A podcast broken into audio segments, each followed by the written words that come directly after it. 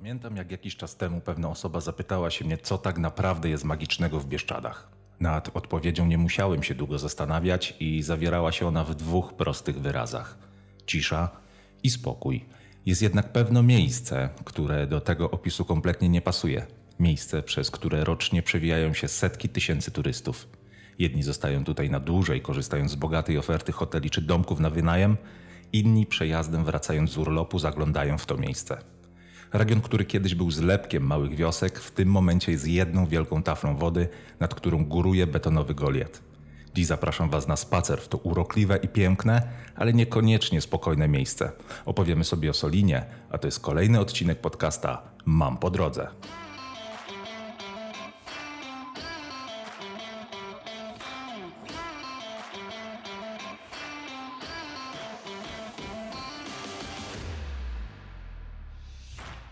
A zaczniemy od legendy na temat powstania samej Soliny i jej betonowego Goliata. Przed laty żyły dwie kobiety, Mychalina Datkowa i Tekla Zawiłkowa. Były to dwie miejscowe wiedźmy. Pewnego razu pokłóciły się one czarną kurę, która to miała znieść cudowne jajko, z którego to miał się wykluć sam diabeł mający zapewnić właścicielce wszystko, czego tylko potrzebowała. Od cudownych mocy, niewyobrażalnego bogactwa na nieśmiertelności kończąc. Żadna z wiedźm nie chciała ustąpić i zaczęły się wzajemnie przeklinać oraz rzucać na siebie zaklęcia. W końcu jedna z nich wypowiedziała takie słowa. Niech woda pochłonie całą chyżę. Niech zamuli studnie. Niech zatopi całą wieś, wszystkie pola, drogi i przydrożne kapliczki, cmentarze i cerkiew. Niech topilce, topielce i topielczyki po wsze czasy straszą na twojej ojcowiźnie. Niedługo później w samej stolicy naszego kraju, w Warszawie, zapada decyzja o budowie zapór na Sanie, w Myczkowcach i Solinie. Nasze bohaterki, dowiedziawszy się o tym, postanowiły wszystko jak najszybciej odkręcić, oczywiście czarami, jak to przystało na prawdziwe wiedźmy. Jednak jak to się mówi, klamka już zapadła i odwrotu nie było. Jedyne co w tym momencie mogły zrobić, to rzucić klątwę na tych wszystkich, którzy zalali ich domostwa i tak oto słowami Zanieś z wiatrem tych wszystkich, którzy pozbawili nas ojcowizny na dalekie góry, doliny, na dalekie lasy, na dalekie morze. Niech tam, gdzie zagna ich wiatr, nie znajdą przyjaciół, życzliwego słowa, niech się zagubią na wieki, niech poczują tęsknotę za dom i do Soliny nie wrócą. sprawiły, że wszystkich budowniczych zapory rozwiało po calutkim świecie. Podobno w każdej legendzie jest ziarenko prawdy, ale zanim poznamy tę prawdę w całości, to proponuję cofnąć się w czasie do momentu, kiedy jeszcze naszej zapory nie było. Pierwsze wzmianki o wsi Solina pochodzą z 1436 roku i była ona lokowana na prawie wołoskim. Położona po obu stronach Sanu, zbiegającego się tutaj z Solinką, swoją nazwę Solina zawdzięcza najprawdopodobniej soli wydobywanej tutaj już w czasach średniowiecza. Wieś zamieszkiwał lud bojków i wiódł on przez stulecia spokojne, niezmienne, pełne tradycji życie. Życie, które niezmiennie toczyło się wokół zmieniających się pór roku, uprawy roli, wypasu bydła i obrzędów religijnych. Nic nie wskazywało na to, że taki stan nie będzie trwał wiecznie. Budowa samej wsi, tak jak innych bieszczadzkich, składała się głównie z tak zwanych chyż, czyli drewnianych domów pokrytych strzechą ze stromymi dachami. Z czasem, na skutek podziałów przy dziedziczeniu ziem, Solina zaczęła wykazywać znaczne rozdrobnienie. A tak samą Solinę wspomina po latach jeden z mieszkańców. Zamiast drogi przez środek wsi płynął san. Nad jednym i drugim jego brzegiem stały domy. W samej Solinie było około 70 numerów, do tego dochodziły jeszcze przysiłki. Łącznie dobrze ponad 100 domów. Prostopadle do rzeki ciągnęły się pola uprawne i łany zbóż. Ślicznie to wyglądało. My mieszkaliśmy na lewym brzegu, w pożydowskim domu o ścianach murowanych z kamieni wydobytych z rzeki. Mieszkaliśmy tam wspólnie z rodziną brata mojego ojca. Szkoda było tego domu, bo jak na Solinę był naprawdę wygodny i duży. Miał 15 metrów długości. Większość to były jednak niewielkie chałupy, drewniane, bielone, kryte strzechą, sklepiskiem w środku. Nie wyglądały może najlepiej, niektóre nawet się na końcu usypały, ale to dlatego, że ludzie przez kilka lat nic z nimi nie robili, bo wiedzieli, że i tak czeka ich wysiedlenie. Przeczuwaliśmy to już w latach 50., gdy po okolicy zaczęli się kręcić geolodzy. Potem władze wydały zakaz budowy nowych domów, a nawet zabudowań gospodarczych. Gdyby nie to, na pewno byśmy remontowali i stawiali nowe domy. Zmianę w sytuacji wsi przyniósł dopiero XX wiek. Od czasów rozbiorów Polski Solina należała do Cesarstwa Austriackiego i leżała na terenie ziem określanych teraz Galicją w pobliżu granic z Rosją. To właśnie jej położenie w głównej mierze przyczyniło się do ubóstwa i niedoli, jaka nastała wraz ze zbliżającą się I wojną światową. Front znajdował się na całym łuku Karpat. Rosjanie liczyli na to, że tędy otworzą sobie drogę na Wiedeń, jednak Austriacy zaciekle bronili swoich terenów. Chłopów bieszczadzkich wsi werbowano do wojska, a sama wojna przyniosła tylko nędzę i zniszczenie zasobów materialnych. Po wojnach Solina znalazła się na terenach odrodzonej Polski, jednak parę dekad później za sprawą rosnącego nacjonalizmu ukraińskiego na terenach Bieszczad oraz braku pomysłu na jego rozwiązanie przez władze II RP, jego zwolennicy coraz głośniej domagali się uznania Bieszczad jako ziem należących do rodzącej się Ukrainy. Nacjonalistyczny obłęd lat wojny oraz tych następujących bezpośrednio po niej doprowadził do walki na terenach Bieszczadów wszystkich przeciwko wszystkim. Niemcy przy pomocy Ukraińców mordowali Polaków i Żydów, Rosjanie Niemców, Ukraińcy Polaków.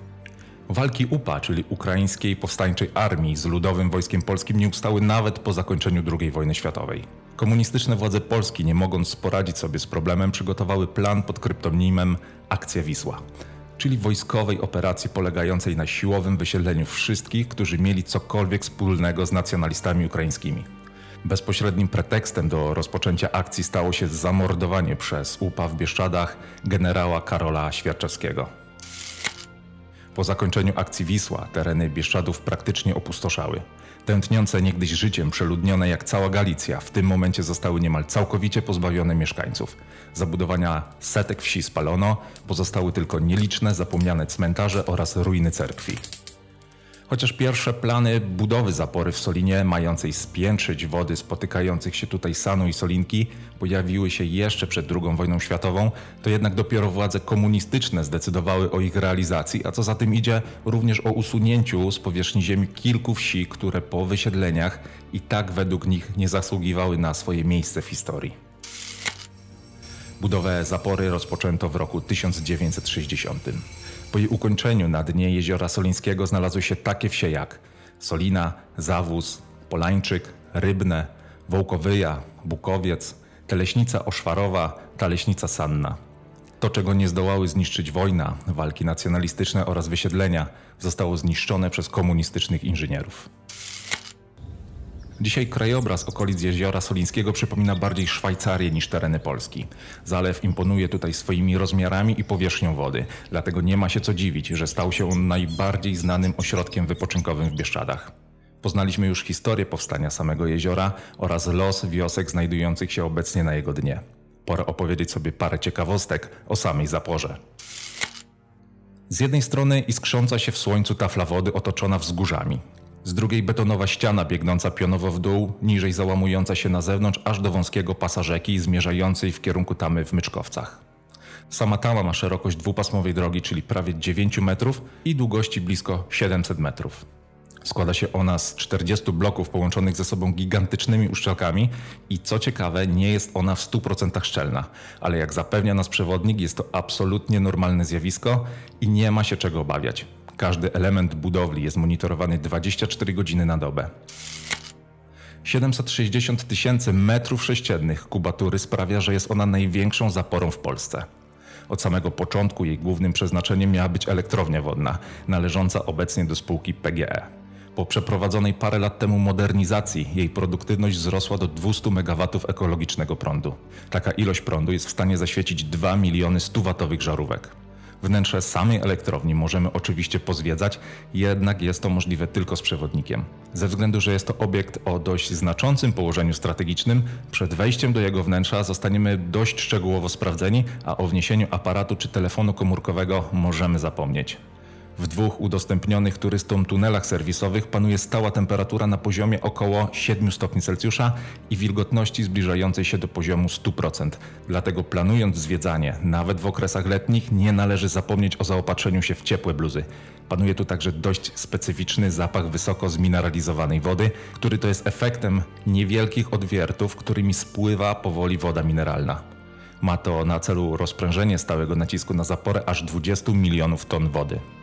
Niezaprzeczalną atrakcją jest również możliwość zobaczenia na własne oczy starej turbiny wodnej, która to kiedyś pracowała w środku zapory, a dziś odbywa zasłużoną emeryturę, ciesząc oczy przybywających tutaj turystów. Sama zapora nieodwracalnie zmieniła geografię Bieszczad, bo za jej pomocą powstał Zalew Soliński o powierzchni wody aż 22 km2. Zmienił się również klimat tej okolicy. Jest więcej wiatrów, a sama zapora ma niebagatelny wpływ na ich kierunek. Ponadto zmniejszyły się różnice temperatur, bo woda latem kumuluje ciepło, a zimą je powoli uwalnia. W trakcie jej budowy zniknęła także cała góra Koziniec, z której pozyskano 1 200 tysięcy ton piaskowca do budowy obiektu. Niestety sama budowla, oprócz turystów ze względów na swoją wysokość, przyciąga również wiele osób chcących targnąć się na swoje życie. 4 lipca. Na zaporze nie było tłumów. Przez wiele dni padało, więc deszcz odstraszył urlopowiczów. System monitoringu pokazywał tylko pojedynczych spacerowiczów. W pewnej chwili jedna z kamer zatrzymała się na osobie, która stanęła przy barierkach. Była to 27-letnia mieszkanka Zabrza. Przyjechała w Bieszczady ze znajomymi, z którymi wynajęła wspólnie domek w Cisnej. Poniedziałek miał być ich ostatnim dniem urlopu, po którym mieli się rozjechać do swoich domów. W drodze powrotnej postanowili na moment zatrzymać się w Solinie i zobaczyć zalew oraz zaporę. Danuta zatrzymała się w połowie tamy, a jej koleżanki poszły dalej. Stała dość długo przy barierkach, odwrócona twarzą w kierunku betonowej ściany. Nikt nigdy nie dowie się, o czym myślała przez te kilka minut. Czy zastanawiała się, co zrobić, czy może czekała tylko, aż deptak tego pochmurnego dnia opustoszeje. Czy decyzję o tym, co za chwilę zrobi, miała w głowie już od jakiegoś czasu, czy może decyzja nadeszła w ciągu kilku sekund. Gdy deptak pustoszeje, a koleżanki są już wystarczająco daleko, nie zdejmując plecaka z ramion, przekłada nogę przez wysoką barierkę i w ułamku sekundy znika za nią. Wszystko rejestrują kamery monitoringu, które stają się jednocześnie niemym świadkiem tragedii. Takich tragicznych w skutkach historii na zaporze w Solinie jest więcej. W maju 2005 roku młody mężczyzna zdecydował się na skok do wody. Jego ciało odnaleziono po kilku dniach na dnie zbiornika. W kwietniu 2006 roku z zapory rzucił się nastoletni krośnianin, a w maju 17-latek z powiatu bieszczackiego. Kilka lat temu ochroniarze uratowali przed śmiercią dziewiętnastolatkę z ustki, która to zanim zdążyła pokonać w pełni barierkę odgradzającą ją od przejścia do drugiego świata, zdążyli w ostatnim momencie złapać ją za włosy. Niestety co roku nie brakuje również ludzi, którym alkohol w głowie włącza tak zwany tryb nieśmiertelności. Skacząc do wody wydaje im się, że skok z zapory jest niczym skok z trampoliny do basenu. Jednak przy pełnej pracy elektrowni przez turbiny przepływa 400 metrów sześciennych wody na sekundę. Więc istnieje spore ryzyko, że nawet przeżywszy skok z samej zapory, za pomocą wytwarzanego podciśnienia możemy zostać wciągnięci przez turbiny. Jeśli szukamy dużego ośrodka turystycznego na wyjazd z dzieckiem, wówczas Solina to bardzo dobry wybór. Znajdziemy tu wszystko: hotele, domki do wynajęcia, sklepy czy stacje benzynowe. Dzieci ucieszą wszechobecne stragany z zabawkami oraz inne atrakcje. Jeżeli zaś w głównej mierze interesują nas górskie wycieczki, to wówczas Solina to nie najlepszy wybór. Osobom poszukującym kontaktu z naturą, wytchnienia od zgiełku czy widokowych szlaków polecam inne miejscowości położone głębiej w Bieszczadach. Ja tymczasem zapraszam Was na kolejne odcinki podcasta Mam po drodze, które będą pojawiały się w każdą niedzielę o godzinie 18 na platformach takich jak Spotify, iTunes, Overcast czy Google Podcast. Tymczasem trzymajcie się ciepło i życzę Wam turystycznie udanego weekendu.